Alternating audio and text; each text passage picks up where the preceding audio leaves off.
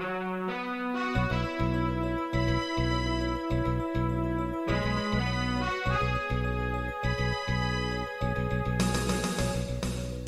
listening to Radio Free Asia.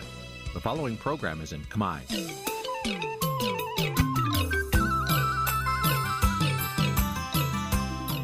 នេះជាកម្មវិធីផ្សាយ Vuthu Azizi Serai នេះជាកម្មវិធីផ្សាយរបស់ Vuthu Azizi Serai ជា ភាសាខ្មែរ Vuthu Azizi Serai សូមស្វាគមន៍លោកអ្នកនាងទាំងអស់ពីរដ្ឋធានី Washington នៃសហរដ្ឋអាមេរិកពីរដ្ឋធានី Washington នាងខ្ញុំម៉ៅសុធានីសូមជម្រាបសួរលោកអ្នកស្ដាប់ទាំងអស់ជាទីមេត្រីចាយើងខ្ញុំសូមជូនការផ្សាយសម្រាប់ព្រឹកថ្ងៃប្រហ័ស14រោចដាច់ខែមករាឆ្នាំខាលចត្វាស័កពុទ្ធសករាជ2566ហើយដល់ត្រូវនៅថ្ងៃទី22ខែធ្នូគ្រិស្តសករាជ2022 ជាកិច្ចចាប់ផ្ដើមនេះនាងខ្ញុំសូមអញ្ជើញលោកអ្នកនាងកញ្ញាស្ដាប់ព័ត៌មានប្រចាំថ្ងៃដែលមានមេត្តាដូចតទៅលោកកំសុខាថាភ័ស្តុតាងប្រឆាំងរូបលោក គឺคล้ายคล้ายនឹងបង្ខូចកិត្តិយសរបស់លោកក្រុមគូសាននិងមន្ត្រីសង្គមស៊ីវិលស្នើឲ្យតឡាការដោះលែងសកម្មជនបពប្រឆាំងលោកសុកចន្ទថាក្រោយពីម្ដាយស្លាប់ មន្ត្រីសង្គមស៊ីវិលស្នើឲ្យស៊ើបអង្កេតករណីកម្មករក្រុមហ៊ុនរ៉ែមាស3នាក់បានស្លាប់នៅខេត្តព្រះវិហារធនាគារពិភពលោកផ្ដល់ហិរញ្ញប្បទានថ្មី ដើម្បីគ្រប់គ្រងដល់ការស្ដារសេដ្ឋកិច្ចរបស់កម្ពុជា និងភាពធន់រយៈពេលវែងរួមនឹងព័ត៌មានសំខាន់សំខាន់មួយចំនួនទៀតការជាបន្តទៅទៀតនេះនាងខ្ញុំម៉ៃសុធានីសូមជូនព័ត៌មានទាំងនោះពឺស្ដាប់ លោកនានីជាទីមេត្រីសាលាដំបងរាជធានីភ្នំពេញក្រុងប្រកាសសាលក្រមសំណុំរឿងលោកកំសុខាពាក់ព័ន្ធនឹងសំណុំរឿងក្បត់ជាតិនៅដើមខែមីនាខាងមុខក្រោយពីបានបិទបញ្ចប់សវនាការការប្រជុំថ្ងៃទី21ខែធ្នូម្សិលមិញចាមន្ត្រីសង្គមស៊ីវិលរំពឹងថាតឡាការនឹងផ្ដល់យុត្តិធម៌ដល់មេបកប្រឆាំងរូបនេះចាប់ពីរដ្ឋធានី Washington លោកយ៉ងច័ន្ទដារារាយការណ៍ព័ត៌មាននេះ តុលាការក្រុងភ្នំពេញបានសម្រេចបិទបញ្ចប់សវនាការសំណុំរឿងរបស់លោកកឹមសុខាទាំងស្រុងហើយក្រោយចំណាយពេលវេលាអស់រយៈពេលជាង5ឆ្នាំជំហានបន្ទាប់ទៀតនោះគឺការរងចាំសាលក្រមដែលតុលាការក្រុងប្រកាសនៅថ្ងៃទី3ខែមីនាឆ្នាំ2023ខាងមុខថ្មីត្បិតតែសវនាការបានបិទបញ្ចប់ទៅហើយមែនក៏ប៉ុន្តែសម្រាប់លោកកឹមសុខាលោកមិនដែលពេញចិត្តឡើយចំពោះការចោទប្រកាន់នេះ ជាពិសេសភ័ស្តុតាងទាំងឡាយដែលគេយកមកប្រើដើម្បីដាក់បន្ទុកលើរូបលោកលោកកឹមសុខាបានថ្លែងដោយខ្លីទៅកាន់ក្រុមអ្នកសារព័ត៌មាននៅខាងមុខតុលាការក្រុងភ្នំពេញកាលពីយប់ថ្ងៃទី21ធ្នូថាភ័ស្តុតាងដែលគេប្រើដើម្បីដាក់បន្ទុកលើរូបលោកនេះគឺជាភ័ស្តុតាងคล้ายคล้ายភ័ស្តុតាងคล้ายคล้ายភ័ស្តុតាងคล้ายคล้ายយ៉ាងមកជួយដៃដំចាហើយហើយដល់មកចាដំ ខ្លាចមិនទេអត់អាចខ្លាចមិនដែរបងខ្លាចកាត់ចោលពាក្យខ្ញុំនិយាយនិយាយប្រខូចចាចានិយាយប្រខូចខ្ញុំពាក្យចាចាជាមួយគ្នានេះសហមេធាវីរបស់លោកកឹមសុខាអ្នកស្រីមេងសុភារីអះអាងជាថ្មីទៀតថា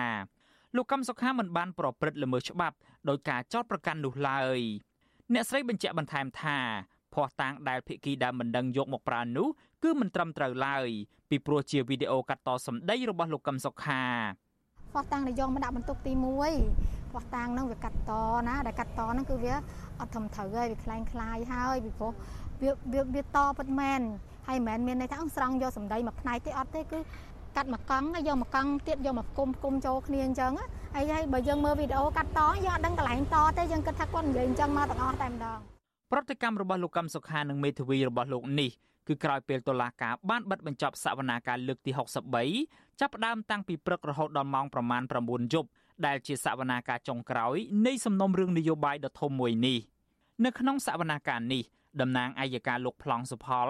បានស្នើទៅប្រធានក្រុមប្រឹក្សាជំនុំជម្រះលោកកុយសៅឲ្យចេញដីកាឃុំខ្លួនលោកកឹមសុខា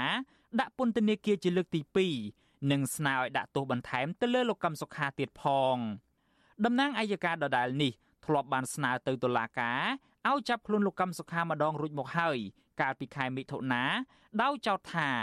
លោកកឹមសុខាបានល្មើសបំរាមតុលាការដោយបានធ្វើសកម្មភាពនយោបាយទន្ទឹមគ្នានេះមេធាវីរដ្ឋាភិបាលវិញពួកគេបានព្រមានប្តឹងទាមទារសំណងជំងឺចិត្តពីលោកកឹមសុខាបន្ថែមទៀតក្រោយពេលតុលាការប្រកាសសាលក្រមសំណុំរឿងនេះមេធាវីរដ្ឋាភិបាលបានដាក់សេចក្តីសន្និដ្ឋានកម្រាស់ជាង80ទំព័រដោយផ្ដោតសំខាន់ទៅលើការចោទប្រកាន់ថា លោកកឹមសុខារៀបចំគម្រោងធ្វើបដិវត្តពណ៌ដើម្បីផ្ដួលរំលំរដ្ឋាភិបាលអ្នកនាំពាក្យគណៈបកប្រជាជនកម្ពុជាលោកសុកអេសានឲ្យដឹងថាសេចក្តីសន្និដ្ឋានរបស់មេធាវីរដ្ឋាភិបាលផ្ដោតសំខាន់ទៅលើការថ្លែងរបស់លោកកឹមសុខា កាលពីឆ្នាំ2013នៅប្រទេសអូស្ត្រាលីលោកយល់ថាវីដេអូនៃការថ្លែងរបស់លោកកឹមសុខានេះគឺជាភស្តុតាងដាក់បន្ទុកដ៏រឹងមាំ គាត់នឹងតែគាត់នឹងបានជោគជ័យតាមអានេះផែនការរបស់គាត់នឹងតែជោគជ័យនឹងវាចូលទៅរឿងជោគជ័យរបស់រាជរដ្ឋាភិបាលទៅវិញទេ តាំងតែពីដើមដំបូងមកមេធាវីរដ្ឋាភិបាលតំណាងគណៈបកប្រជាជនកម្ពុជា និងតំណាងអัยការហាក់គ្មានភ័ស្តុតាងអ្វីផ្សេងដើម្បីចោទប្រកាន់លោកកឹមសុខាឡើយក្រៅពីសំអាងទៅលើវីដេអូនេះក៏ប៉ុន្តែបើតាមមេធាវីលោកកឹមសុខានិងអ្នកតាមដានសវនាការ វីដេអូនោះគឺត្រូវបានគេកាត់តរួចទៅហើយមិនមែនជាវីដេអូដើមទាំងស្រុងដែលលោកកឹមសុខាបានថ្លែងនោះទេជុំវិញរឿងនេះនាយកទទួលបន្ទុកកិច្ចការទូតនៃអង្គការសិទ្ធិមនុស្សលីកាដូលោកអំសំអាតពិនិត្យឃើញថាសំណុំរឿងនេះនៅតែស្ថិតក្រោមសម្ពាធពីអ្នកនយោបាយដដែលលោកយល់ថាលោកកឹមសុខាទំនងជាពិបាករួចផុតពីការចោទប្រកាន់នេះពីព្រោះតែបញ្ហានយោបាយនៅកម្ពុជាមិនទាន់មានដំណោះស្រាយនៅឡើយទេ បើយើងយោងទៅមើលសាវនាការរាប់ឆ្នាំកន្លងមកដែលតកតងនឹងរឿងនេះយើងជាអ្នកតាមដានយើងមើលទៅវាហាក់ដូចជាមិនមានផុសតាងឲ្យបានគ្រប់គ្រាន់ក្នុងការចោទប្រកាន់ទៅលើអដាមកម្មសខាណាតុលាការក្រុងភ្នំពេញ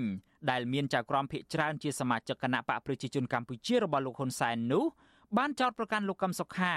ពីបទសន្តិទិភាពឬការត្រូវរើគ្នាជាមួយរដ្ឋបរទេសដើម្បីផ្ដួលរំលំរដ្ឋាភិបាល ក៏ប៉ុន្តែសហគមន៍ជាតិនិងអន្តរជាតិរិះគន់ថាការចោទប្រកាន់ទៅលើលោកកឹមសុខានេះគ្មានមូលដ្ឋាន និងជំរុញទៅរដ្ឋាភិបាលលោកហ៊ុនសែនអនុញ្ញាតឲ្យលោកកឹមសុខា មានសិទ្ធិធ្វើនយោបាយឡើងវិញដើម្បីចូលរួមប្រគល់ប្រជែងការបោះឆ្នោតឆ្នាំ2023ខាងមុខសាធារណជន ជាពិសេសក្រុមអ្នកគាំទ្រលោកកឹមសុខាអាចនឹងដឹងអំពីជោគវាសនារបស់លោកនៅថ្ងៃទី3ខែមីនាខាងមុខនៅពេលដែលតុលាការក្រុងភ្នំពេញប្រកាសសាលក្រមសំណុំរឿងនេះ ក៏ប៉ុន្តែក្រុមមេធាវីនិងអ្នកសង្កេតការណ៍ក៏បានរិះគន់តុលាការក្រុងភ្នំពេញដែរចំពោះការពន្យាពេលជាង2ខែទៀតដើម្បីប្រកាសសាលក្រមរឿងនេះពីព្រោះតែសំណុំរឿងនេះបានអូសបន្លាយអស់រយៈពេលជាង5ឆ្នាំមកហើយខណៈដែលលោកកឹមសុខាគឺជាអ្នកនយោបាយដែលត្រូវការសិទ្ធិនយោបាយជាចាំបាច់ដើម្បីចូលប្រឡូកនៅក្នុងឆាកនយោបាយឡើងវិញឲ្យទាន់ការបោះឆ្នោតតំណាងរាស្ត្រនៅខែកក្កដាឆ្នាំ2023ខាងមុខ ខ្ញុំយ៉ងច័ន្ទដារាវិទ្យុអាស៊ីសេរីរាយការណ៍ពីរដ្ឋធានី Washington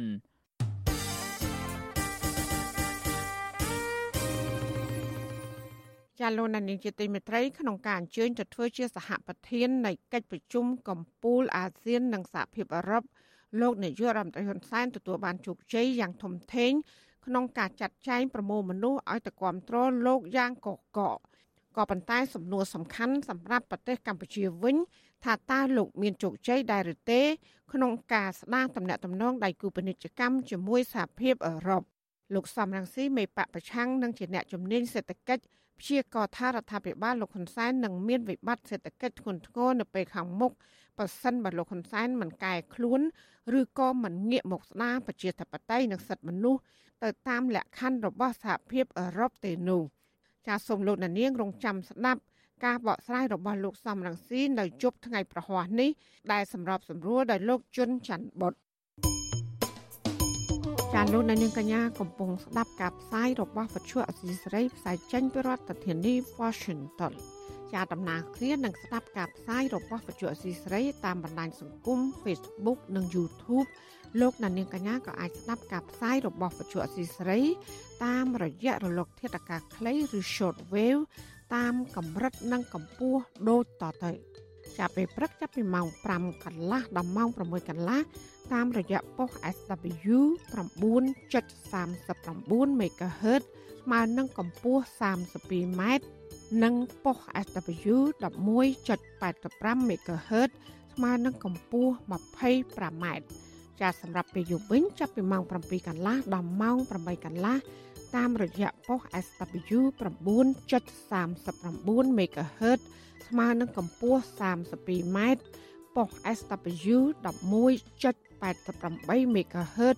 ស្មើនឹងកម្ពស់ 25m និងប៉ុស SW 15.15 MHz ស្មើនឹងកម្ពស់ 20m ចាសសូមអរគុណ លោកណានៀងជាទីមេត្រីកូនកូនរបស់សកម្មជនបពប្រឆាំងលោកសុកចន្ទថាដែលកំពុងជាប់ឃុំក្នុងពន្ធនាគារប្រឈមជីវភាពលំបាកក្រោយពីម្ដាយបានស្លាប់កាលពីពេលថ្មីថ្មីនេះខណៈដែលឪពុកកំពុងជាប់ឃុំក្នុងពន្ធនាគារហើយបន្សល់ទុកនៅកូន3នាក់ចាំមន្ត្រីសង្គមស៊ីវិលយល់ឃើញថាតឡាកាគួរបន្ធូរបន្ថយទោសនិងដោះលែងសកម្មជនបកប្រឆាំងរូបនេះដើម្បីឲ្យពួកគាត់បានជួបជុំក្រុមគ្រួសារឡើងវិញ។ កូនកូនរបស់សកម្មជនបពប្រឆាំងលោកសុកចន្ទថាកំពុងរៀបចំបុណ្យសពម្ដាយអ្នកស្រីសោមចន្ទធូដែលបានស្លាប់ដោយសារជំងឺប្រចាំកាយកាលពីថ្ងៃទី20ខែធ្នូពួកគាត់បានដឹងថាបន្ទាប់ពីម្ដាយស្លាប់ទៅជីវភាពគ្រួសារជួបការលំបាកព្រោះគ្មានអ្នករកប្រាក់ផ្គត់ផ្គង់គ្រួសារដោយសារឪពុកក៏ជាប់ពន្ធនាគារហើយក្លាយជាកូនកំព្រាគ្មានទីពឹង។ ពួកគេសង្ឃឹមថាតឡាការនឹងដោះលែងលោកឪពុក ដើម្បីអាចមករស់នៅជួបជុំក្រុមគ្រួសារនិងមើលថែទាំកូនកូនកូនកូនរបស់អ្នកស្រីសោមចន្ទធូសោកស្ដាយដែលថ្ងៃជូនដំណើរម្ដាយជាលើកចុងក្រោយតែគ្មានវត្តមានរបស់លោកឪពុកពិធីបុណ្យសពអ្នកស្រីសោមចន្ទធូដែលមានអាយុជាង50ឆ្នាំ មានសាច់ញាតិនិងប្រជាប្រដ្ឋចូលរួមជាង140នាក់ហើយសពក៏ត្រូវបានដង្ហែទៅបូជានៅវត្តទួលសមាធិ នៅក្នុងភូមិ5ស្រុកពីមរខេត្តព្រៃវែងកូនប្រុសរបស់សកម្មជនបពប្រឆាំងដែលកំពុងជាប់ឃុំលោកសុកចន្ទថាគឺលោកសុកចម្រើនប្រាប់បច្ចុប្បន្នស៊ីសេរីនៅថ្ងៃទី21ខែធ្នូថាលោកឈឺចាប់ដែលឪពុកត្រូវបានចាប់ដាក់ពន្ធនាគារហើយម្ដាយក៏ស្លាប់ចោលទៀត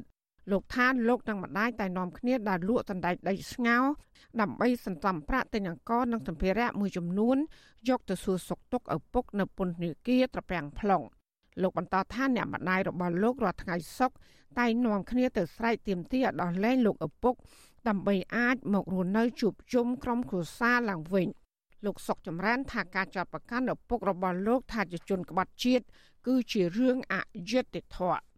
លោកបញ្ជាក់ថាក្រោយពីរៀបចំបន់សពម្ដាយរួចលោកនៅតែបន្តទាមទារឲ្យតុលាការដោះលែងឪពុកឲ្យចេញពីពន្ធនាគារដោយដែលម្ដាយធ្លាប់ធ្វើកន្លងមក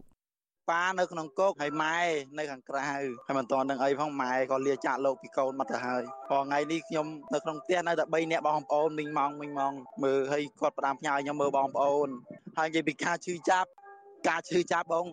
វាលើសពីការគិតទៀតណាបងគាត់វាលឿនពេកខ្ញុំខំប្រាប់គាត់តស៊ូម៉ែម៉ែតស៊ូឡើងម៉ែណាប៉ាមិនទាន់ចេញពីគុកទេម៉ែខំប្រឹងឡើងម៉ែមើលតិចទៀតប៉ានឹងបានចេញហើយដល់ពេលគាត់ឆ្លើយតបមកខ្ញុំវិញគាត់ថាម៉ែទៅលេងរួយហើយកូនម៉ែហត់ណាម៉ែហត់ណាម៉ែដើរស្រែកតបថាសូមឲ្យជួយគាត់ថាគាត់ហត់គាត់ក៏ទៅលេងរួយដល់ពេលហើយបេះដូងគាត់លេងដំណើរការលោកសុកចន្ទថានិងលោកស្រីសំចន្ទធូ មានកូន3នាក់ប្រុស2នាក់និងស្រី1នាក់ ដែលរស់នៅជុំគ្នានៅក្បែរស្ពានអ្នកលឿងនៅខេត្តព្រៃវែងចំណែកក្រមស្ត្រីថ្ងៃសុកកញ្ញាហេងបរិយវិញថ្លែងថាគឺជារឿងសង្វេគនិងរន្ធត់ជាទីបំផុត ដែលបានទទួលដំណឹងពីការបាត់បង់លោកស្រីសោមចន្ទធូកញ្ញាថាលោកស្រីគឺជាមនុស្សល្អទោះបីគាត់មិនសូវមានចំណេះចេះដឹងខ្ពង់ខ្ពស់ក៏ប៉ុន្តែគាត់មានឆន្ទៈនិងមនសិការហ៊ានលះបង់ដើម្បីគ្រួសារនិងយុត្តិធម៌សង្គម កញ្ញាថាគាត់តែងតែចែករំលែកនិងយកអាសាអ្នកជុំវិញខ្លួនហើយមិនដែលទុកអ្នកដតីចោលឡើយក្នុងពេលដែលអាញាធរបង្ក្រាបម្ដងម្ដង។ ពួកខ្ញុំពិតជាមានការរន្ធត់ចិត្តយ៉ាងខ្លាំងវាហាក់ដូចជាលឿនពេកដែលត្រូវបាត់បង់រូបគាត់ទៅទាំងដែលពួកយើងខំតស៊ូជាមួយគ្នារយៈពេល73ឆ្នាំមកហើយហើយគាត់ទៅបាត់ទាំងដែលគាត់មិនទាន់បានទទួលយុត្តិធម៌នៅឡើយហើយខ្ញុំយល់ថារដ្ឋាភិបាលគួរតែដោះលែងប្តីរបស់គាត់ដូចជាអ្នកទោសមនសិការទាំងអស់ឲ្យមានសេរីភាពឡើងវិញពីព្រោះពួកគាត់សុទ្ធតែជាបុគ្គលស្អាតស្អំមិនមានទោសកំហុសដោយដែលតឡាការបានចោទប្រកាន់នោះទេ វត្តជអសីស្រីមិនអាចតាក់ទងแนะនាំពាក្យសាឡាអូតូរាជធានីភ្នំពេញលោកប្លង់សំណាងនិងអ្នកស្រីស្រេងសូយេតដើម្បីឆ្លើយតបជំវិញរឿងនេះបានទេនៅថ្ងៃទី21ខែធ្នូប៉ុន្តែអ្នកនាំពាក្យគណៈបកប្រជាជនកម្ពុជាលោកសុកអេសាន ថាទស្សនវិជ្ជានយោបាយនិងផ្លូវច្បាប់គឺដាច់ដោយឡែកពីគ្នាពីព្រោះតឡាការអនុវត្តទៅតាមច្បាប់ លោកថាការយល់ឃើញថាករណីនេះគឺជារឿងនយោបាយនោះគឺជាការយល់ឃើញក៏ប៉ុន្តែមិនមែនជាការអនុវត្តច្បាប់ឡើយបើយើងនិយាយអញ្ចឹងវាហាក់ដូចជាការដែលគាត់ដាក់លក្ខខណ្ឌមកលើរដ្ឋាភិបាលឬមកលើតុលាការបើមិនដោះលែងនេះគាត់តវ៉ាតទៅទៀតមានណាបិទសិទ្ធគាត់អានឹងជាសិទ្ធនយោបាយរបស់គាត់ទេបើគាត់តវ៉ាគាត់តវ៉ាទៅឲ្យតវ៉ាត្រូវច្បាប់តែបើតវ៉ាត្រូវច្បាប់ឬក៏ប៉ុណ្្នឹង ជុំវិញរឿងនេះនាយកទទួលបន្ទុកកិច្ចការទូតនៃអង្គការលីកាដូលោកអំសំអាត មានប្រសាសន៍ថាករណីនេះគួរឲ្យអាណិតអាសូរចំពោះក្រុមគ្រួសារលោកសុកចន្ទថាដែលបានបាត់បង់ប្រពន្ធលោកថាលោកស្រីសំចន្ទធូជួបការលំបាកច្រើនដែលត្រូវចិញ្ចឹមកូននិងធ្វើដំណើរទៅសួរសុខទុក្ខប្តីនៅឯពន្ធនាគារផ្លូវឆ្ងាយខណៈដែលខ្លួនមានជំងឺប្រចាំកាយថែមទៀត លោកបន្តថារដ្ឋាភិបាលនិងតុលាការគួរបន្ធូរបន្ថយទោសនិងដោះលែងពួកគាត់ដើម្បីឲ្យបានជួបជុំក្រុមគ្រួសារនិងធ្វើការរកប្រាក់ចំណូលចិញ្ចឹមកូនកូន។ ខ្ញុំយល់ថាដើម្បីបញ្ចប់វិបត្តិនយោបាយដូចជាភាពរងគ្រោះនៃសកម្មជននយោបាយតទៅទៀតវាមានតែអ្នកនយោបាយខ្មែរទាំងអស់ត្រូវតែមានការជជែកគ្នាតាមការបន្តនៃវប្បធម៌សន្តិនិឬក៏ការជជែកគ្នាដោយការគោរពគ្នាទៅវិញទៅមកការប្រកាន់នៅឧត្តមគតិរបស់ខ្លួនដោយនកលនៅឧត្តមប្រយោជន៍ជាតិឧត្តមប្រយោជន៍ប្រជាពលរដ្ឋជាធំដើម្បីបញ្ចប់នៅវិបត្តិដែលសេសសល់នឹងដូចជាបំបត្តិនៅវប្បធម៌នៃការរងទុកនៃសកម្មជននយោបាយតទៅទៀតសមាជិកប្រតិបត្តិគណៈបកសង្គ្រោះជាតិខេត្តព្រៃវែងលោកសុកចន្ទថាត្រូវបានសមត្ថកិច្ចឡោមព័ទ្ធចាប់ខ្លួននៅផ្ទះរបស់លោកកាលពីថ្ងៃទី20ខែមេសាឆ្នាំ2020ដោយចោទពីបទញុយយងឲ្យប្រព្រឹត្តបទអក្រិតជាអាតនិងរួមកំណត់ក្បត់ លោកត្រូវបានតឡាការផ្តន្ទាទោសដាក់ពន្ធនាគារ5ឆ្នាំជាមួយសកម្មជនបពប្រឆាំងចំនួន13នាក់ផ្សេងទៀតក៏ប៉ុន្តែទោសនេះត្រូវអនុវត្តក្នុងពន្ធនាគារចំនួន3ឆ្នាំ8ខែ ហើយទោសនៅសល់ត្រូវបានព្យួរសាច់ញាតិនិងមន្ត្រីសង្គមស៊ីវិលជំរុញអរដ្ឋាភិបាលនិងអ្នកនយោបាយខ្មែរ ពន្លឿនបញ្ចប់វិបត្តិនយោបាយកុំឲ្យសកម្មជន និងអ្នកពាក់ព័ន្ធរងគ្រោះកាន់តែច្រើនហើយទាមទារឲ្យដោះលែងអ្នកទោសមនសិការដែលកំពុងជាប់ឃុំដោយអយុត្តិធម៌ដើម្បីស្ដារមុខមាត់កម្ពុជាលើឆាកអន្តរជាតិឡើងវិញចាលោកអ្នកស្ដាប់ជាទីមេត្រីមន្ត្រីសង្គមស៊ីវិលនិងជនជាដើមភាគតិចគួយទាមទារឲ្យអាជ្ញាធរខេត្តប្រវត្តិហាស៊ើបអង្កេត ពីភាពមិនប្រក្រតីនៃអាជីវកម្មរ៉ែមាសខុសច្បាប់ ដែលនៅតែបន្តកើតមាននៅតំបន់ភ្នំលុងក្នុងឃុំរំទុំស្រុករវៀងការលើកឡើងនេះក្រោយពីមានកម្មករ3នាក់បានស្លាប់ជាថ្មីទៀតក្នុងពេលដែលកំពុងជីករករ៉ែមាសក្នុងរណ្ដៅដីជម្រៅរាប់សិបម៉ែត្រចាប់ពីរដ្ឋធានី Washington លោកសេកបណ្ឌិតរាយការណ៍ព័ត៌មាននេះសង្គមស៊ីវិលនិងពលរដ្ឋ ថាអាញាធរនៅតែព្យាយាមលាក់បាំងព័ត៌មានអំពីករណីស្លាប់ពលរដ្ឋក្នុងរណ្ដៅដីជីករ៉ែមាសនៅតំបន់ភ្នំលុងតំបន់ភ្នំលុងស្ថិតនៅក្នុងឃុំរំទុំស្រុករវៀងខេត្តព្រះវិហារដែលធ្លាប់មានរឿងអាស្រូវបាក់ដីកប់មនុស្សយ៉ាងហោចណាស់7នាក់ស្លាប់ក្នុងរណ្ដៅដីកាលពីពេលកន្លងទៅក៏ប៉ុន្តែបាតុភិបនេះបានស្ងប់ស្ងាត់មួយរយៈធំដោយពុំមានស្ថាប័នណាមួយទទួលខុសត្រូវលើអាយុជីវិតរបស់ប្រជាពលរដ្ឋនោះឡើយ ជនជាដើមភេតិចគួយរស់នៅតំបន់ភ្នំលុងលោកស្រីយឹមផាត ប្រាប់បទសុអសីស្រី នៅថ្ងៃទី21ធ្នូថាពេលនេះតំបន់ភ្នំលុងនៅតែមានសកម្មភាពជីករ៉ែមាសខុសច្បាប់ជាច្រើនកន្លែងទៀតដែលក្រុមហ៊ុន និងក្រុមអ្នកមានអំណាចខុបខិតជាមួយនឹងអាជ្ញាធរមូលដ្ឋានរករោគរ៉ែមាសនិងចម្រាញ់រ៉ែមាសជាបន្តបន្ទាប់ដោយមានកម្លាំងកម្មករជាច្រើនអ្នកលោកស្រីបញ្ជាក់ថា ក្នុងរណ្ដៅដីនីមួយៗមានជម្រៅជាង10ម៉ែត្រដល់ជាង100ម៉ែត្រដោយមានកម្លាំងកម្មកររាប់សិបនាក់បានប្រថុយប្រឋានលូនក្រាបជីកយករ៉ែមាសដើម្បីទទួលបានប្រាក់កម្រៃក្នុងមួយថ្ងៃ50000រៀលពីម្ចាស់អាជីវកម្ម។ គ្នាដូចថាគ្នាគ្មានការងារធ្វើក៏គេអោយគ្នាថ្លៃណាមួយថ្ងៃ50000ណាបើគ្នាអ្នកក្រៃក៏ទៅណាក៏ធំរូចទៅណាក៏ទៅរូចទៅគ្នាមិនចូលដល់ពេលចូលទៅក៏វាមានបតហេតុនោះណាបាក់គ្នាដុំឆ្មោដុំដីទៅលើមកព្រឹបក៏វាបែកអាចបែកក្បាលណាចុះណាបើដីផ្ទៀងស្មាទូប្រប៉ិនជាងផ្ទះប្រប៉ិនអារែងផ្ទៀងវាបាក់មកព្រឹបព្រឹបព្រឹបបដ ாய் ណាកាលពីថ្ងៃទី20ខែធ្នូកន្លងទៅកម្មករជីករ៉ែមាស3នាក់បានស្លាប់ ហើយសមត្ថកិច្ចសង្ស័យថាពួកគាត់បានឆក់ខ្សែភ្លើងក្នុងពេលធ្វើអាជីវកម្មជីករករ៉ែមាសក្នុងរណ្ដៅដីដ៏ជ្រៅនោះពួកគាត់អះអាងថាជនរងគ្រោះទាំងនោះបានស៊ីឈ្នួលជីករ៉ែមាសឲ្យថៅកែឈ្មោះជុនវណ្ណា និងថៅកែម្នាក់ទៀតដែលគេស្គាល់ឈ្មោះហៅក្រៅថាពកវិទ្យុអាស៊ីសេរីនៅពុំទាន់អាចតាក់ទងសុំការបំភ្លឺអំពីរឿងនេះពីម្ចាស់អាជីវកម្មរ៉ែមាសលោកជុនវណ្ណា និងម្ចាស់អាជីវកម្មម្នាក់ទៀតដែលគេស្គាល់ឈ្មោះថាពកបាននៅឡើយទេ នៅថ្ងៃទី21ខែធ្នូអ្នកភូមិថាជនរងគ្រោះទាំង3នាក់នោះជាពលរដ្ឋរស់នៅក្នុងមូលដ្ឋាននោះផ្ទាល់តែម្ដង ដែលមានឈ្មោះថាទាវបូរីវ័យ37ឆ្នាំ និងម្នាក់ទៀតឈ្មោះយ៉នយឿនវ័យ35ឆ្នាំរីឯជនរងគ្រោះម្នាក់ទៀតគេមិនស្គាល់ឈ្មោះឡើយក៏ប៉ុន្តែគេដឹងថាជនរងគ្រោះនោះរស់នៅខេត្តក្រចេះ អ្នកភូមិអះអាងថាកម្មករទាំងនោះស្លាប់ដោយសារលូនចូលរណ្ដៅដីជម្រៅជាង100ម៉ែត្រដើម្បីស្វែងរករ៉ែមាសបណ្ដាលឲ្យបាក់ដីសង្កត់ស្លាប់ភ្លាមភ្លាមក៏ប៉ុន្តែសមត្ថកិច្ចបានបង្វែរសំណុំរឿងនេះថាជាករណីឆក់ខ្សែភ្លើងទៅវិញវុទ្ធុអាស៊ីសេរីនៅពុំទាន់អាចតាក់ទងសុំការបំភ្លឺអំពីរឿងនេះពីស្នងការនគរបាលខេត្តព្រះវិហារលោកសួសសុកតារានិងអ្នកនាំពាក្យសាលាខេត្តព្រះវិហារ លោកយ៉ងកំហៀងបាននៅឡើយទេ នៅថ្ងៃទី21ខែធ្នូដោយទូរស័ព្ទហៅចូលចានដង តែពុំមានអ្នកទទួលចំណែកអភិបាលស្រុករវៀងលោកហៅប៊ុនហួរនិងអ្នកនាំពាក្យក្រសួងរ៉ែលោកអឹងឌីបូឡាក៏មិនទាន់អាចតាក់ទងបានដែរនៅថ្ងៃដដែលនេះក៏ប៉ុន្តែអ្នកនាំពាក្យក្រសួងរ៉ែរូបនេះបានថ្លែងនៅក្នុងសរសិទ្ធសារព័ត៌មានមួយ កាលពីខែសីហាកន្លងទៅ ថាអាញាធរពពាន់បានបង្ក្រាបទីតាំងរ៉ែមាសខុសច្បាប់ គ្រប់តំបន់ទូទាំងប្រទេសអស់ទាំងស្រុងហើយក៏ប៉ុន្តែអាចនៅសេសសល់តិចតួចចំពោះរណ្ដៅជីករករ៉ែមាសនៅតាមផ្ទះតូចតូចលោកបញ្ជាក់ថាកន្លងទៅក្រសួងរ៉ែបានធ្វើប្រតិភូកម្មឬផ្ទេរការងារឲ្យអាជ្ញាធរថ្នាក់ក្រោមជាតិមានសិទ្ធិផ្ដល់អាជ្ញាប័ណ្ណតូចតូចឬអាជ្ញាប័ណ្ណចល័តឲ្យម្ចាស់អាជីវកម្មរ៉ែមាសធ្វើការបង្ក្រាបនោះអស់ បាទសឹងតែអស់ទៅហើយតាមដងទលេលែងមានទៀតតាមភ្នំអាជីវកម្មថ្មអីតាមភ្នំក៏លែងមានដែររីឯរណ្ដៅដីអាចនៅសល់រណ្ដៅដីតូចតាចដែលគាត់ជីកស្រះតិចអីតាមផ្ទះតាមសបាយនោះបើសិនតែយើងចាត់ទុកថាជាអនាធិបតេយ្យបានវាអាចនៅសល់ពលរដ្ឋម្នាក់ទៀតគឺលោកទួយឆេង សង្កេតឃើញថាអាញាធមមូលដ្ឋានព្យាយាមលាក់បាំងព័ត៌មានបាតុភិបនេះដោយសារតែការជីករករ៉ែមាសជាច្រើនកន្លែងក្នុងស្រុករវៀង ធ្វើឡើងដោយលួចលាក់និងខុសច្បាប់លោកថាបច្ចុប្បន្នតំបន់ភ្នំឡុងមានថៅកែជនជាតិចិន ជនជាតិវៀតណាម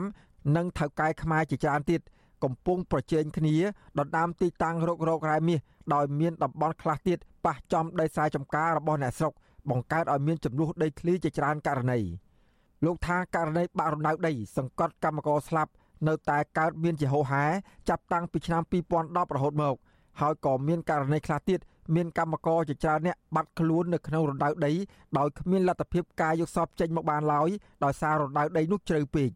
មួយទៀតគឺបង្ហូរនៅសារជាតិពុលគីមីបណ្ដាលឲ្យមានស្លាប់គោស្លាប់ក្របីអីនឹងឯងជារៀងរាល់ឆ្នាំដែរដូច្នេះហើយក៏ដោយសារតែពួកអាជ្ញាធរនឹងគប់ខិតគំនិតជាមួយនឹងពូអស់នឹងឯងធ្វើដើម្បីយកលុយទៅចិញ្ចឹមគ្រួសារខ្លួននឹងឯងមិនមែនលុយកាក់នឹងឯងយកទៅដើម្បីជួយជាតិទេជុំវិញរឿងនេះ មន្ត្រីសម្របសម្រួលសមាគមការពារសិទ្ធិមនុស្សអាត60ប្រចាំនៅខេត្តព្រះវិហារលោកឡាវច័ន្ទសង្កេតឃើញថាកម្មករស្លាប់នៅក្នុងរណ្ដៅរ៉ែមាសនៅតែបន្តកើតមានដដែលដដែលដោយគ្មានការទទួលខុសត្រូវដើម្បីកែលម្អចំណុចខ្វះចន្លោះនោះឲ្យប្រសើរឡើងបានឡើយអស់រយៈពេលជាច្រើនឆ្នាំមកហើយលោកសង្ស័យថាអាញាធរខេត្តព្រះវិហារបន្តជាប់ពាក់ព័ន្ធការខុបខិតគ្នា បណ្ដោយឲ្យក្រុមហ៊ុនអ្នកមានអំណាចធ្វើអាជីវកម្មរ៉ែមាសខុសច្បាប់នៅតំបន់ភ្នំលុងនោះបើសិនជាតកែហ្នឹងអត់មានច្បាប់ឬអាជ្ញាប័ណ្ណត្រឹមត្រូវពីក្រសួងឬពីមន្ត្រីជំនាញណាមួយទេអាហ្នឹងរឹតតែខុសធ្ងន់ទី1បញ្ហាប្រឈមទៅនឹងអាជីវកម្មគាត់ពីព្រោះការដែលធ្វើរ៉ែការរុកររឬបើធ្វើអាជីវកម្មរ៉ែត្រូវមានអាជ្ញាប័ណ្ណហើយបើអត់មានអាជ្ញាប័ណ្ណចាប់ទុកថាជាទង្វើខុសច្បាប់ ប្រជាសហគមន៍បានដឹងថាតំបន់ភ្នំលុងទាំងមូលមានផ្ទៃដីសរុបជាង1200ហិកតា ដែលសម្បូរទៅដោយរ៉ែមាសក្រោមដីត្រូវបានក្រុមហ៊ុនឯកជនធំធំយ៉ាងហោចណាស់ចំនួន3ពុះចែកគ្នាធ្វើអាជីវកម្មក្រៅពីនេះក៏នៅមានថៅកែជនជាតិចិន និងថៅកែជនជាតិវៀតណាមជាច្រើនទៀតបានមកជ្រកក្រោមស្លាកក្រុមហ៊ុនទាំងនេះ និងជួលអ្នកមានអំណាចឲ្យកាងអាជីវកម្មឲ្យខ្លួន ដែលកំពុងធ្វើសកម្មភាពនៅភូមិខាងកើតនិងភូមិខាងជើងនៃភ្នំលុងទន្ទឹមគ្នានេះតំបន់នោះ មានទាហាននៅឈរចាំផ្លូវដើម្បីហាមឃាត់ពលរដ្ឋឬអ្នកសារព័ត៌មានមិនឲ្យចូលទៅក្នុងតំបន់នោះបានឡើយខ្ញុំបាទសេកបណ្ឌិតវុទ្ធុអាស៊ីសេរីពីរដ្ឋធានីវ៉ាស៊ីនតោនចាលោកនាងកញ្ញាកំពុងស្ដាប់ការផ្សាយរបស់វិទ្យុអសីស្រីផ្សាយចេញពីរដ្ឋធានី Washington តំបន់ទេសចរលូរីជើងភ្នំបាណន់នៅខេត្តបាត់ដំបងកំពុងតាក់ទាញភ្ញៀវទេសចរជាតិនិងអន្តរជាតិទៅកំសាន្តជាហូហែបន្ទាប់ពីមានការរៀបចំឲ្យคล้ายជារមណីយដ្ឋានកែច្នៃអមជាមួយធម្មជាតិ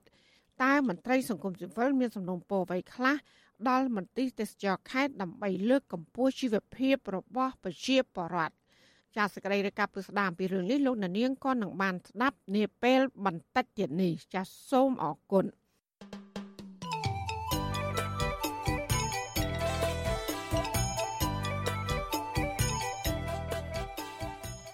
លោកនានីជាទីមេត្រីធនាគារពិភពលោក World Bank ផ្ដល់ហិរញ្ញប្បទានថ្មីចំនួន274លានដុល្លារអាមេរិកថែមទៀតដើម្បីគ្រប់គ្រងដល់ការស្ដារសេដ្ឋកិច្ចរបស់កម្ពុជា និងភាពធន់រយៈពេលវែង សេចក្តីប្រកាសព័ត៌មានរបស់ធនាគារពិភពលោកកាលពីថ្ងៃទី20ខែធ្នូឲ្យដឹងថាហិរញ្ញប្បទាននេះនឹងជួយកម្ពុជាជំរុញការប្រកួតប្រជែងផ្នែកឯកជន ពង្រីកលទ្ធភាពទទួលបានហិរញ្ញវត្ថុ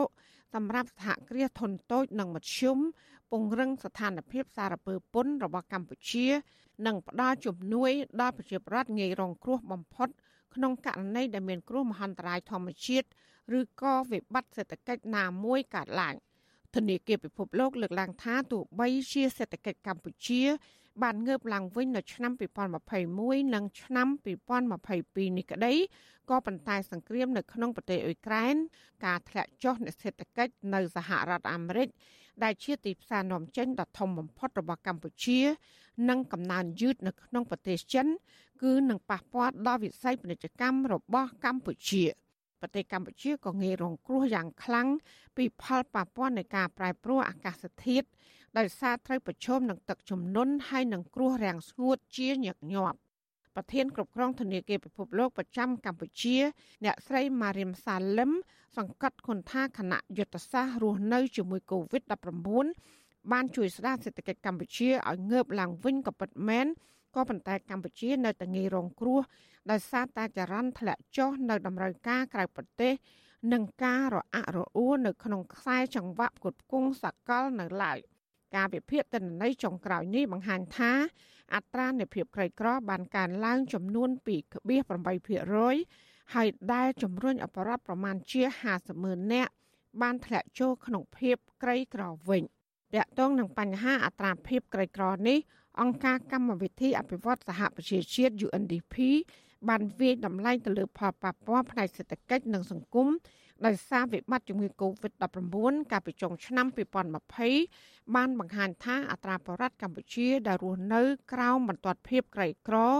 ឬក៏ចំណាយប្រាក់តិចជាង2ដុល្លារក្នុងមួយថ្ងៃនោះគឺអាចបង្កើនឡើងរហូតដល់ជាង17%ឬក៏ស្មើនឹងបរិបទប្រមាណជិត3លាននាក់ រីឯធនាគារពិភពលោកវិញនៅតែវាតម្លៃថាបរដ្ឋជាង4លាន5សែននាក់នៅតែងាយប្រឈមនឹងការធ្លាក់ខ្លួនក្រីក្រឡើងវិញ នៅពេលណាដែលមានបញ្ហាផ្នែកសេដ្ឋកិច្ចឬក៏កត្តាខាងក្រៅដទៃទៀត។។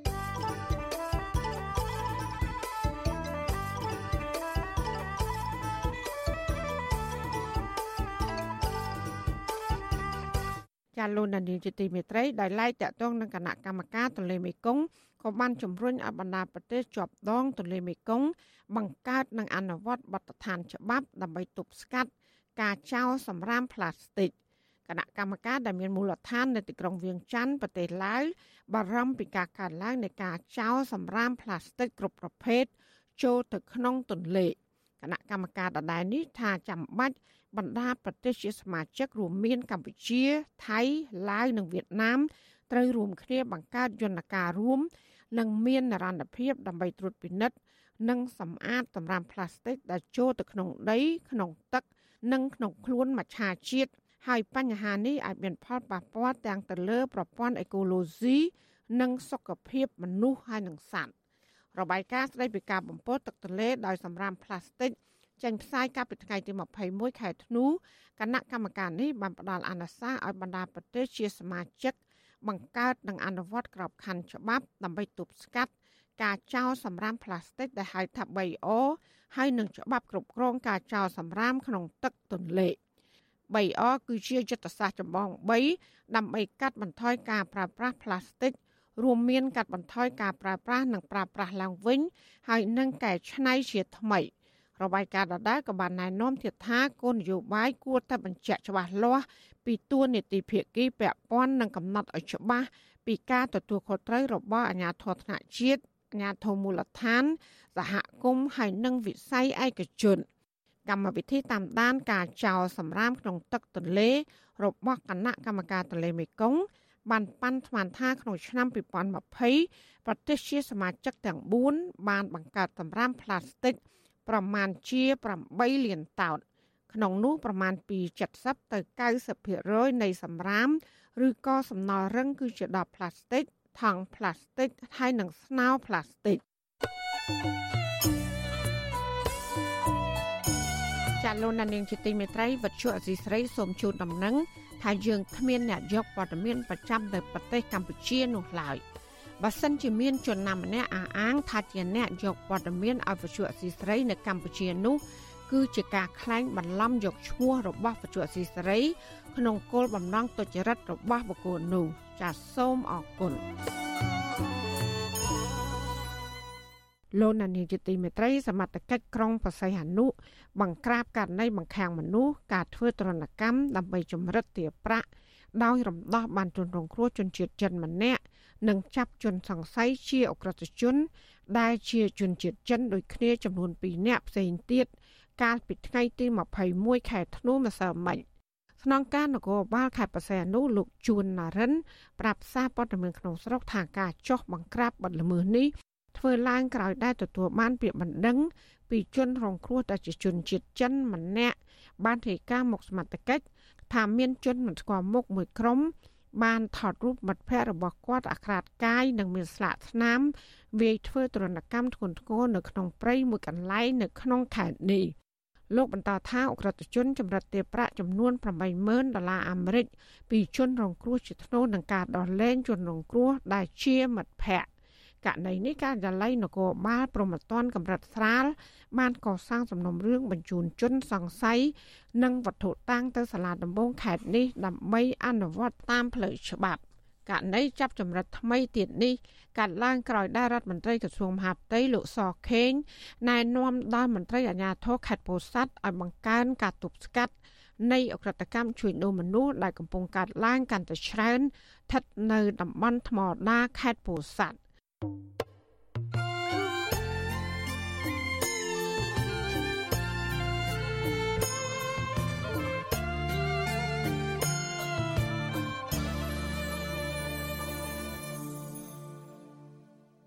ចាលោកនានីជាទីមេត្រីក្រុមអ្នកជំនាញកិច្ចការបោះឆ្នោត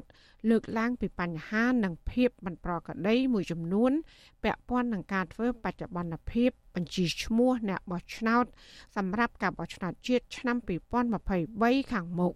ពួកគេអំពាវនាវដល់គណៈបកនយោបាយទាំងអស់ឲ្យជួយសង្កេតនិងតាមដានមើល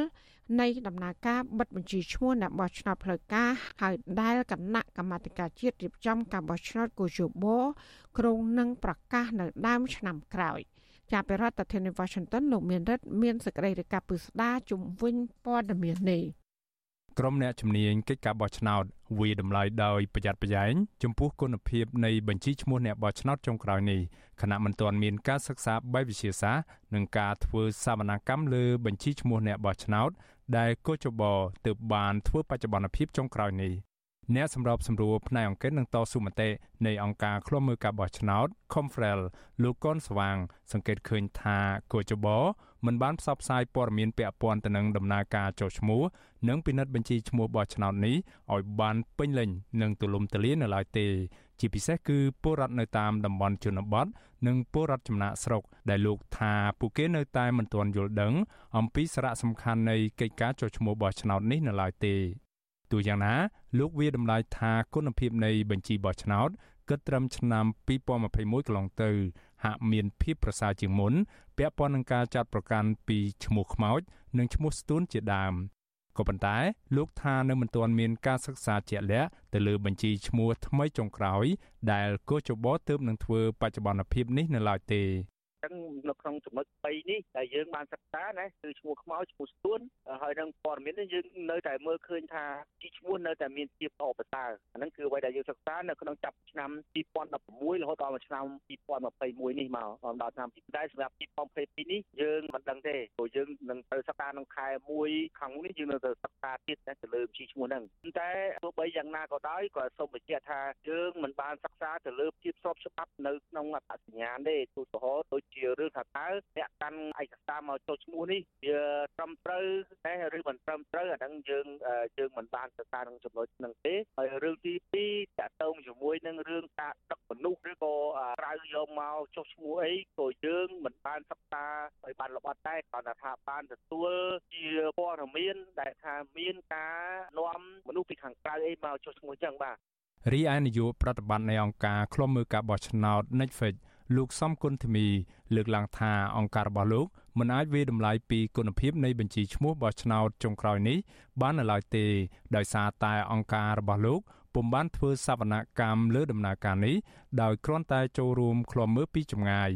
លោកថាបើទោះបីជាមិនមានអ្វីគួរឲ្យកត់សម្គាល់ហើយដំណើរការចុះឈ្មោះនិងពិនិត្យបញ្ជីឈ្មោះបោះឆ្នោតធ្វើឡើងដោយធម្មតានិងអាចទទួលយកបានក៏ដោយក៏ភាពមិនប្រក្រតីនៃបញ្ជីឈ្មោះបោះឆ្នោត ជុំវិញបញ្ហាឈ្មោះស្ទួនឬឈ្មោះខ្មោចនៅតែជាការសង្ស័យនៅឡើយបញ្ហានេះយើងនៅតែមានការសង្ស័យដែរណាដោយសារយើងអត់បានធ្វើសកម្មកម្មតែប៉ុន្តែគាត់ថាយើងមិនមាននេះខុសតាំងអីដើម្បី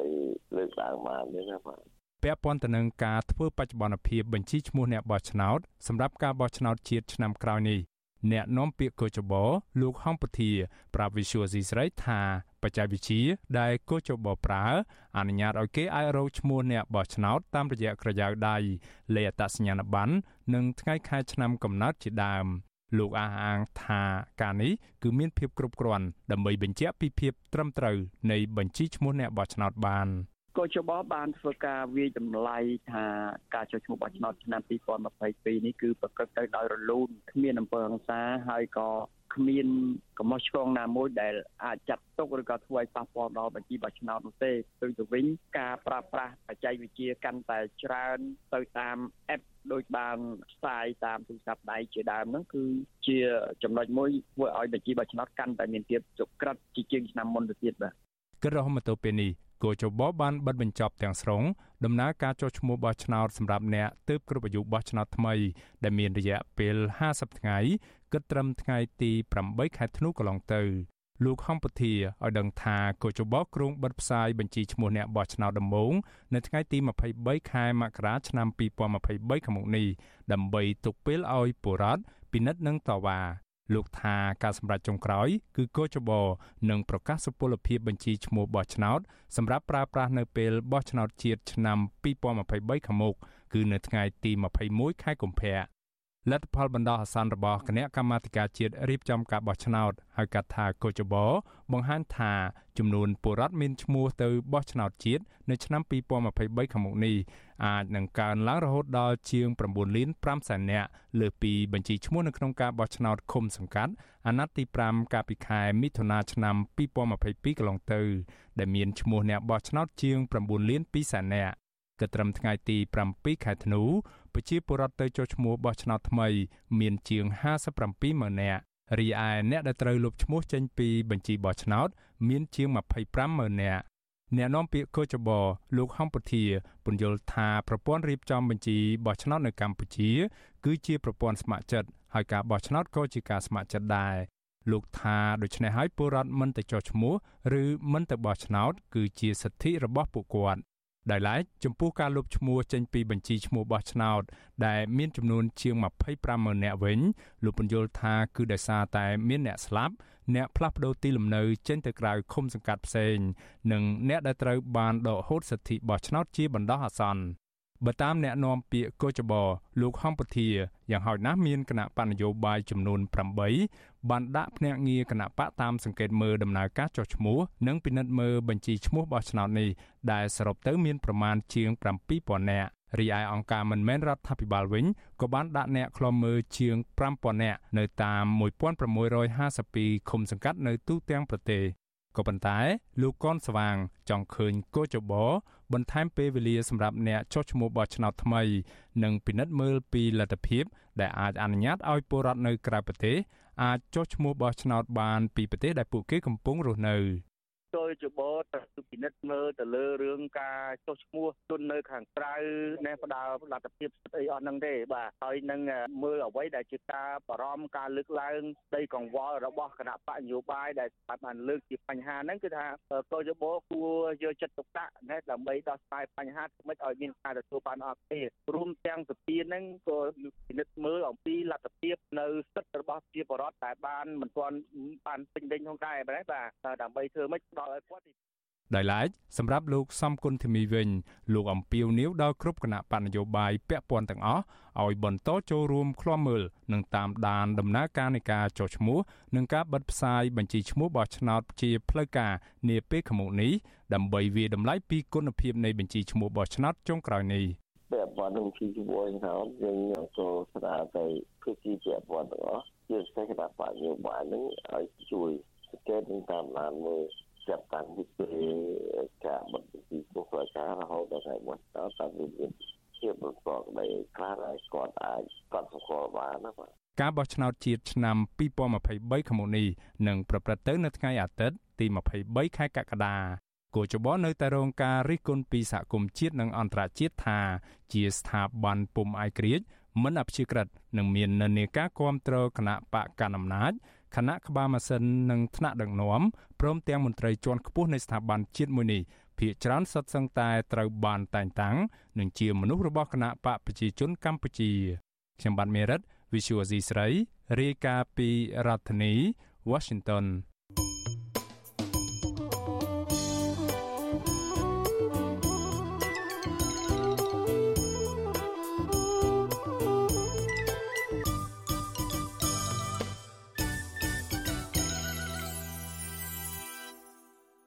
ចាលោកដានៀងជាទីមេត្រីតំបន់ទេសចរលូរីជើងភ្នំបាណាន់ខេត្តបាត់ដំបងឯនោះវិញកំពុងតែទាមភ្ញៀវទេសចរជាតិនិងអន្តរជាតិទៅកំសាន្តជាហូហែបន្ទាប់ពីមានការរៀបចំបន្ថែមឲ្យคล้ายជារមណីយដ្ឋានកែច្នៃអមជាមួយធម្មជាតិមន្ត្រីសង្គមស៊ីវិលជំរុញឲ្យមន្ទីរទេសចរខេត្ត បង្កើនការផ្សព្វផ្សាយនិងពង្រឹងសេវាកម្មហើយបង្កើតអ្វីដែលថ្មីបន្ថែមទៀតដើម្បីរក្សានិរន្តរភាពតំបន់ទេសចរនិងលើកកម្ពស់ជីវភាពរបស់ប្រជាពលរដ្ឋនៅក្នុងតំបន់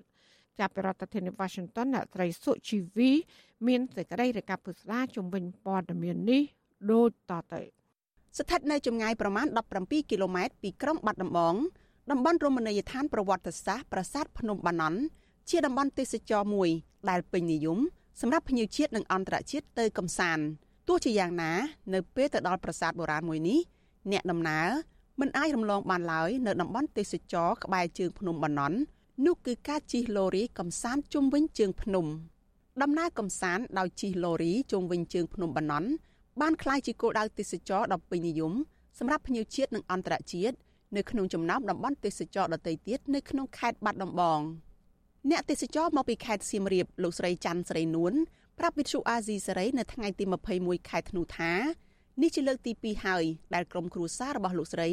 បានទៅកំសាន្តនៅភ្នំបាណន់លោកស្រីឲ្យដឹងថាការជិះឡូរីកំសាន្តនៅជុំវិញជើងភ្នំបាណន់បានបង្កើតបរិយាកាសថ្មីមួយខុសពីដំណើរកំសាន្តដទៃទៀតព្រោះលោកស្រីអាចអង្គុយគយគន់ទេសភាពធម្មជាតិការរៀបចំតុបតែងសួនផ្កាដើមឈើប្លែកៗ នៅតាមបណ្ដោយផ្លូវដែលឡូរីរត់កាត់ដោយមិនចាំបាច់ចំណាយកម្លាំងដើរឆ្ងាយនោះឡើយព្រោះនៅទីនេះរមណីយដ្ឋានធំហើយទេសភាពស្អាត មានការឆ្នៃប្រឌិតការតុបតែងស្អាតប្លែកខុសពីកន្លែងដទៃមណ្ឌលកំសាន្តតាមឡូរីមានទីតាំងនៅជើងភ្នំបាណន់ស្ថិតនៅក្នុងភូមិឈើទាលឃុំកន្ទឺ2ស្រុកបាណន់បច្ចុប្បន្នមណ្ឌលកំសាន្តមួយនេះមានផ្ទៃដី8000ម៉ែត្រការ៉េដែលជាដីសហគមន៍ ដោយមានសង់ផ្លូវដែកសម្រាប់ឡូរីរត់ប្រវែង5គីឡូម៉ែត្រនិងបែងចែកជា3ផ្នែកគឺផ្នែកលក់សម្បត្តិផ្លូវធ្វើដំណើរនិងសួនកំសាន្តកត្តាដែលទាក់ទាញភ្ញៀវទេសចរឲ្យមកកំសាន្តនៅរមណីយដ្ឋានកែច្នៃមួយនេះជាងគេ គឺការធ្វើដំណើរគយគន់ទេសភាពវាលស្រែនិងសួនផ្កានៅតាមដងផ្លូវនៅលើឡូរីមុនទៅដល់សួនផ្កាដែលជាកន្លែងអ្នកទេសចរនិយមសម្រាកលំហែកាយនិងថតរូបជាមួយនឹងសួនផ្កាចម្រុះពណ៌ ជាប់នឹងទេសភាពជើងភ្នំពណ៌បៃតង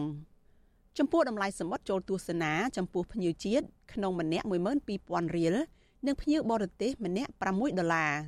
នៅថ្ងៃសម្រាប់ចុងសប្តាហ៍ឬថ្ងៃឈប់សម្រាកបុណ្យប្រពៃណីជាតិមានភ្ញៀវទេសចរមកកំសាន្តនិងប្រើប្រាស់សេវាកម្មឡូរីនេះចន្លោះពី1000នាក់ទៅ2000នាក់នៅក្នុងមួយថ្ងៃភ្ញៀវទេសចរម្នាក់ទៀតមកពីខេត្តបន្ទាយមានជ័យកញ្ញាធីតូតាឲ្យដឹងថា កញ្ញាមកលេងកំសាន្តនៅទីនេះ4ដងមកហើយកញ្ញាបន្តថាត្បិតឡូរីជើងភ្នំបណ្ណន់ជាតំបន់ទេសចរកែច្នៃក៏ពិតមែនតែវាមានទេសភាពធម្មជាតិជាច្រើននិងមានការរៀបចំប្លែកៗតាក់ចិត្តអ្នកទៅកំសាន្តមិនឲ្យធុញទ្រាន់នោះឡើយកញ្ញាថានៅពេលទំនេរពីការប្រកបការងារនាងតែងនាំឪពុកម្ដាយនិងបងប្អូនមកជិះឡូរីកំសាន្តព្រោះមានកន្លែងថតរូបស្អាតស្អាត និងមានភាពងាយស្រួលសម្រាប់មនុស្សចាស់ ដោយគ្រាន់តែអង្គុយមើលទេសភាពជុំវិញជើងភ្នំដោយមិនចាំបាច់ចំណាយកម្លាំងដើរឆ្ងាយនោះឡើយលក្ខណៈគ្រួសារច្រើនអ្នកហើយជាជាង10អ្នក2ឡានពេញពេញហ្មងឡូរីមានវត្តមាននៅលើទឹកដីនៃប្រទេសកម្ពុជា ជាង80ឆ្នាំមកហើយកាលពីមុនឡូរីជាប្រភេទយានចល័តព្រោះបើកបរជាមួយនឹងផ្លូវរថភ្លើង បើកាលណាមានរថភ្លើងឆ្លងកាត់គេត្រូវលើកគ្រែឫស្សីនិងកង់នោះចេញពីផ្លូវ លុះត្រារថភ្លើងបោផុតទើបគេដាក់ទៅវិញហើយបន្តដំណើរទៅមុខទៀតគេប្រើប្រាស់ឡូរីជាមធ្យោបាយដឹកជញ្ជូនសម្ភារៈស្រាលស្រាលនិងអីវ៉ាន់ផ្សេងផ្សេងចំនួនកម្លាំងមនុស្សដោយពឹងផ្អែកទៅលើការរត់កាត់លើផ្លូវរថភ្លើងហើយក្រោយមកវាបានក្លាយជាយានសម្រាប់ដឹកអ្នកដំណើរវិញប៉ុន្តែដោយសារចរាចរណ៍ផ្លូវដែកពីខេត្តបន្ទាយមានជ័យមកភ្នំពេញកាន់តែមមាញឹកទើបធ្វើឲ្យអាយៈស្ម័យយានតូចនេះបដូរមកប្រើផ្លូវដែកដាច់ដោយឡែកវិញ។ ឡូរីបង្កើតឡើងពីគ្រឿងបង្គុំរួមមានគ្រែឫស្សីដែលមានទទឹងប្រមាណ2ម៉ែត្រកន្លះនិងបណ្ដោយប្រមាណ3ម៉ែត្រមានកង់ធ្វើពីដែកនិងមានម៉ាស៊ីនសាំងមួយសម្រាប់រុញឲ្យកង់មានចលនាទៅមុខដោយមានហ្វ្រាំងសម្រាប់ចាប់នៅពេលទៅដល់គោលដៅស្ថាបនិកមណ្ឌលកំសាន្តឡូរីជើងភ្នំបាណន់លោកសយបូរ៉ាឲ្យដឹងថាអ្នកទៅជិះឡូរីកំសាន្តភ ieck ច្រើនជាជនបរទេសព្រះសង្ឃនិងចាស់ចាស់ដែលទៅធ្វើបុណ្យទាននៅតាមវត្តនៅតំបន់នោះ នៅរៀងរាល់ចុងសប្តាហ៍យ៉ាងណាលោកស្នើសុំឲ្យមន្ទីរទេសចរខេត្តចូលរួមពង្រីកតំបន់ទេសចរមួយនេះបន្ថែមទៀតដោយប្រមូលអ្នកជំនាញបើកឡូរីឬបង្ហាត់ជំនាញនេះទៅអ្នកដែលចង់ធ្វើការងារនេះពេលមានបងមានទៀនគាត់ក៏ឈប់ដែរហើយឈប់គាត់អត់មានប្រាជ្ញាមុនទេហើយក្នុងការបើកឡូរីយើងនេះដូចលោកឃើញស្រាប់ហើយយើងផ្លូវវាឡើងភ្នំយើងមិនអាចគ្រប់គ្នាចេះតែបើកបានទេតោះយើងរៀនយើងពុតជាខាត់ឲ្យស្ទាត់កន្លែងណាបើឡើងភ្នំធ្វើមិនចប់ភ្នំយើងទៅធ្វើមិនចឹងណាបាទ ជុំវិញរឿងនេះប្រធានមន្ទីរទេសចរខេត្តបាត់ដំបងលោកអុចអ៊ុំភីនីសារ៉ាប្រាប់វិទ្យុអាស៊ីសេរីថាភ្ញៀវទេសចរជាតិនិងអន្តរជាតិដែលមកកំសាន្តជិះឡូរីនេះមានចំនួនកើនឡើងបន្ទាប់ពីការរីករាលដាលជំងឺ Covid-19 បានថយចុះលោកថាក្រៅពីការផ្តល់ការងារដល់អ្នកបើកឡូរីមណ្ឌលកំសាន្តមួយនេះបានផ្តល់ការងារដល់អាជីវករកម្មករនិងមគ្គុទ្ទេសក៍ទេសចរផងដែរលោកបន្តថាអាជ្ញាធរមូលដ្ឋានបានលើកយកប្រធានបទតំបន់ទេសចរមួយនេះ មកពិភាក្សានិងផ្សព្វផ្សាយពីសក្តានុពលដើម្បីតេទៀងឲ្យភ្ញៀវទេសចរមកកំសាន្តកាន់តែច្រើនថែមទៀតឥឡូវហ្នឹងគឺការរៀបចំនោះគឺមានដំណើរការបានទទួលភាពបានល្អជាជាតាក់ទាញអាចចិញ្ចឹមអ្នកស្រុកនៅក្នុងហ្នឹងមួយចំនួនហើយជាជនដែលរស់ស៊ីមុខរបរនៅតាមផ្លូវហ្នឹងតាំងពីជិតទៀលរហូតដល់បណ្ណនឹងកន្ទឺមួយកន្ទឺពីរហ្នឹងបាទគាត់បានទទួលផលប្រយោជន៍ពីកន្លែងហ្នឹងដែរតើទៅនៅរឿងនេះមន្ត្រីសម្របសម្រួលសមាគមការពារសិទ្ធិមនុស្សអាត6នៅក្នុងខេត្តបាត់ដំបងលោកយិនមេងលីយល់ឃើញថាមន្ទីរទេសចរ គួរសហការជាមួយម្ចាស់មណ្ឌលកំសាន្តមួយនេះបន្ថែមដើម្បីបង្កើតអ្វីថ្មីថ្មីបន្ថែមទៀតលោកបន្តថាក្នុងនោះត្រូវមានការពង្រឹងសេវាកម្មតម្លៃអនាម័យនិងសុវត្ថិភាពបន្ថែមពីនេះលោកថាមន្ទីរទេសចរត្រូវផ្សព្វផ្សាយតំបន់ទេសចរនេះឲ្យកាន់តែទូលំទូលាយជាងមុនដើម្បីទាក់ទាញភ្ញៀវទេសចរមកកំសាន្តកាន់តែច្រើន។ ចឹងខ្លួនដែលជារដ្ឋតែមានទូនីតិក្នុងការមើលទៅខិតខំផ្សព្វផ្សាយពិនិត្យទៅលើសេវាផ្សេងផ្សេងពិនិត្យទៅលើបរិស្ថានផ្សេងផ្សេងទៀតអានេះគឺទេសចរនឹងវាអាចរស់បានយូរអង្វែងព្រោះយើងឃើញថាទេសចរជាវិស័យឧស្សាហកម្មមួយដែលគ្មានផ្សែងគឺងាយងាយក្នុងការរកចំណូលចូលចូលរដ្ឋចឹងយើងមិនត្រូវឲ្យវិស័យទេសចរដែលរស់រស់ហើយនឹងធ្វើឲ្យវាស្លាប់ទៅវិញត្រូវខិតខំយ៉ាងណាទៀតទាំងឯកជនទាំងរដ្ឋទៅចូលរួមទាំងអស់គ្នាបាទរបាយការណ៍មន្ទីរទេសចរខេត្តបាត់ដំបងបង្ហាញថាភ្ញៀវទេសចរចំនួនជាង50ម៉ឺននាក់ក្នុងនោះទេសចរបរទេសជាង1000នាក់ បានដើរលេងកម្សាន្តនៅតាមរមណីយដ្ឋាននិងតំបន់គោលដៅទេសចរ20កន្លែងនៅក្នុងខេត្តនេះចាប់តាំងពីថ្ងៃទី14ដល់ថ្ងៃទី16ខែមេសាឆ្នាំ2022នៃពិធីបុណ្យចូលឆ្នាំថ្មីប្រពៃណីជាតិរមណីយដ្ឋានទេសចរនៅក្នុងខេត្តបាត់ដំបងដែលភ្ញៀវទេសចរទៅកម្សាន្តច្រើនជាងគេរួមមានក្រុងបាត់ដំបងរមណីយដ្ឋានភ្នំសំពៅប្រាសាទបាណន់ប្រាសាទឯកភ្នំរមណីយដ្ឋានអាងកំពីងពួយ និងមណ្ឌលកំសាន្តឡូរីជើងភ្នំបាណន់ជាដើម នាងខ្ញុំសូជីវី With you Azizi Serai ពីរដ្ឋធានី Washington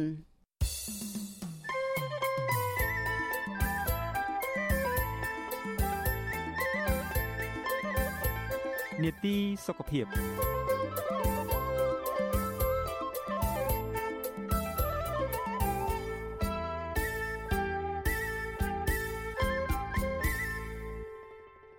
ចាលោកនានីជាទីមេត្រីក្រសួងសុខាភិបាលរកឃើញជំងឺគុនឈាមជិត10000ករណីក៏ត្រឹមតាមខែវិច្ឆិកាឆ្នាំ2022ហើយបានសម្លាប់ជីវិតមនុស្សជិត20នាក់ដែលភាគច្រើនគឺជាកុមារករណីជំងឺគុនឈាមនេះគឺការឡើងជិត10ដងបើធៀបនឹងរយៈពេលដូចគ្នាកាលពីឆ្នាំ2021តើជំងឺគុនឈាមមានរោគសញ្ញាអ្វីខ្លះហើយគេអាចមានវិធីណាខ្លះដើម្បីបង្ការជំងឺមួយនេះ ចាននទីសុខភាពប្រចាំសប្តាហ៍នេះនាងខ្ញុំសូមរាយការណ៍ជូនពុស្ដាអំពីស្ថានភាពនៃជំងឺគ្រុនឈាមនៅកម្ពុជាដូចតទៅគ្រូពេទ្យជំនាញឯកទេសទូទៅលោកវិជ្ជបណ្ឌិតហៀងរតនាមានប្រសាសន៍ប្រាប់បច្ចុប្បន្នស៊ីស្រីថារោគសញ្ញានិងអាការៈនៃជំងឺគ្រុនឈាម គឺគ្រុនក្តៅខ្លាំងចាប់ពី39អង្សាដល់40អង្សា និងប្រាថ្នាបញ្ចុះកម្ដៅរយៈពេល2ឬក៏3ថ្ងៃហើយនៅតែមិនបាត់ លោកវិជ្ជបណ្ឌិតបន្តថាអ្នកជំងឺឡើងមុខក្រហមឈឺក្បាលឈឺសាច់ដុំនិងសន្លាក់ចង់ក្អួតឬក្អួត រមាស់ស្បែកចិញ្ចៀមតិចតិចតាមច្រមុះនិងអញ្ចាញធ្មេញឬក៏មានស្នាមជាំលើស្បែកជាដើមការច្រើនចាប់ដើមចូលដល់ភ្លៀងក្មេងៗគ្រុនឈាមចូលឡើងខ្ញុំច្រើននៅតាមពេទ្យទីពេទ្យរដ្ឋនេះក៏ច្រើនដែរគឺច្រើនមែនតើគ្រុនឈាមបាទជំងឺគ្រុនឈាមរោគសញ្ញាសំខាន់មួយគឺក្តៅហើយ ក្តៅអត់ដូចជំងឺផ្សេងទេគ្រុនឈាមចាប់ផ្ដើមក្តៅឡើងខ្លាំងយកហ្មង39 40ហ្មងហើយពេលក្តៅនោះអត់មានសញ្ញាផ្សេងរួមផ្សំទេអត់មានឈឺកនេះក្អកហៀស្វយទេណាគាត់អាចក្តៅខ្លួនខ្លាំងឈឺក្បាលសន្លឹមហើយជំងឺគ្រុនឈាមគឺអាចបន្តគ្រោះថ្នាក់ដល់អាយុជីវិតគ្រប់ពេលពេលមានជំងឺគ្រុនឈាមវាអាចធ្វើឲ្យយើងមានអាលាកខ្លាមកលាកពវៀនណាអញ្ចឹងពេលសង្ស័យតើកូនមានជំងឺគ្រុនឈាមឬកូនក្តៅខ្លួនខ្លាំងគួរយកទៅពេទ្យនិតឲ្យបានត្រឹមត្រូវណានៅពេលដែលក្តៅខ្លួនក៏បញ្ចុះថ្នាំផ្ដេសផ្ដាស់វាអាចធ្វើជំងឺនេះកាន់តែធ្ងន់ធ្ងរថែមទៀត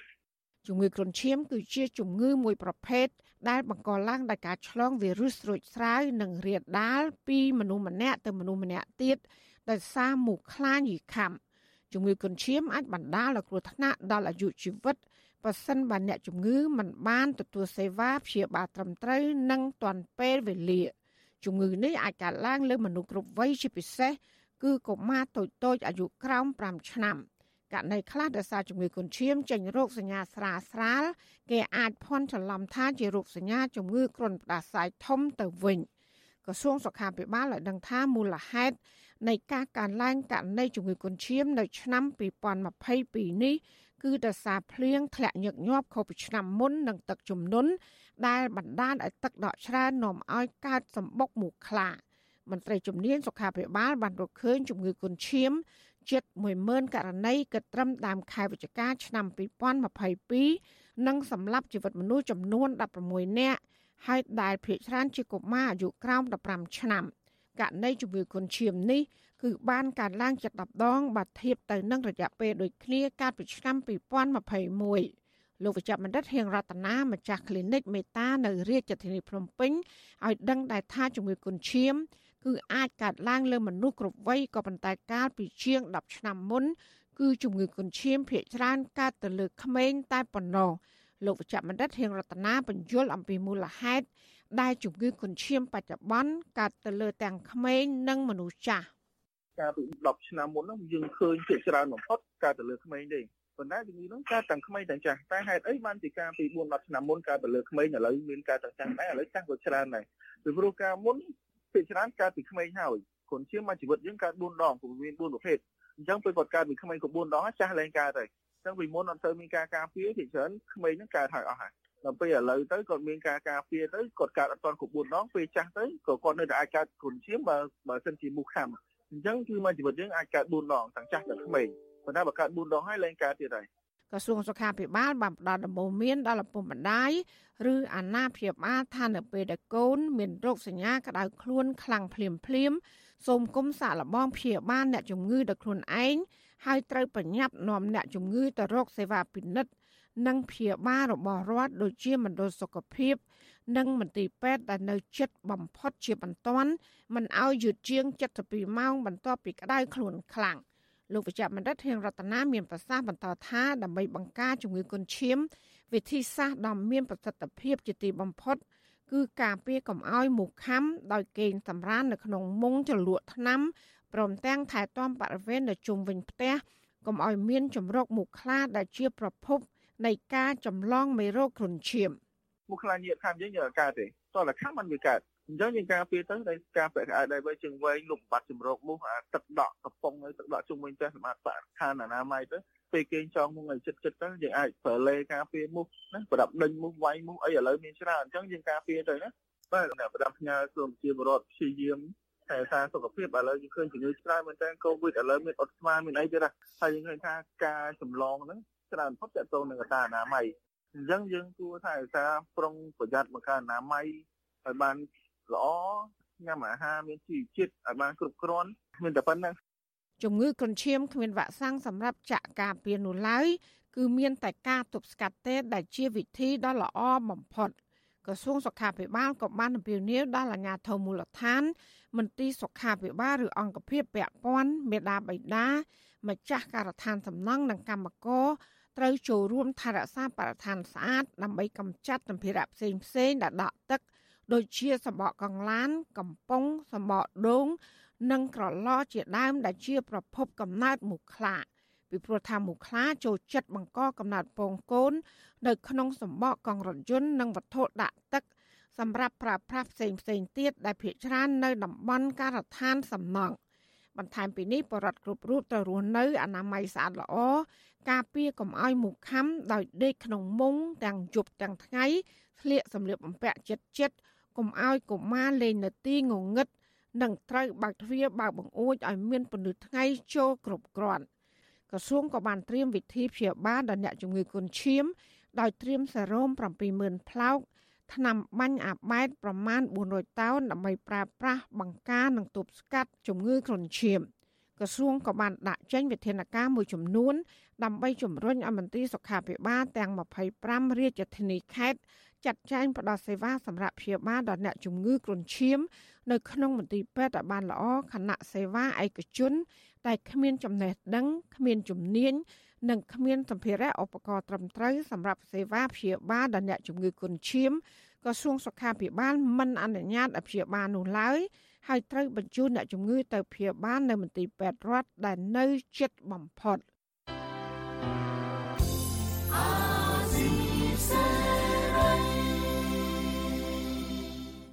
ចាលោកលានាងកញ្ញាអ្នកស្ដាប់ជាទីមេត្រីការផ្សាយរយៈពេល1ម៉ោងរបស់វិទ្យុអាស៊ីស្រីជាភាសាខ្មែរនៅពេលនេះចាប់តែប៉ុណ្ណេះ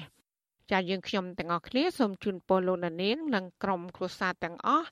សូមជួបប្រកបតែនឹងសេចក្តីសុខសេចក្តីចម្រើន ជានិរន្តរ៍ចានាងខ្ញុំម៉ៃសុធានីព្រមទាំងក្រុមការងារទាំងអស់របស់អាស៊ីស្រីសូមអរគុណនិងសូមជម្រាបលា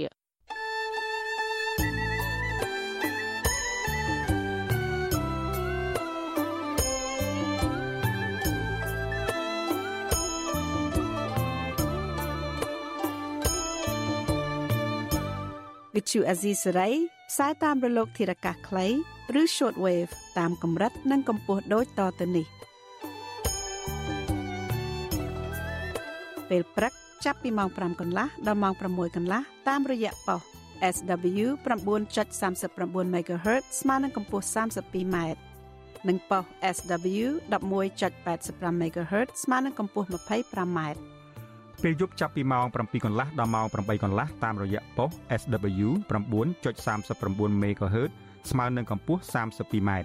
ប៉ុស SW 11.88 MHz ស្មើនឹងកម្ពស់ 25m និងប៉ុស SW 15.15 MHz ស្មើនឹងកម្ពស់ 20m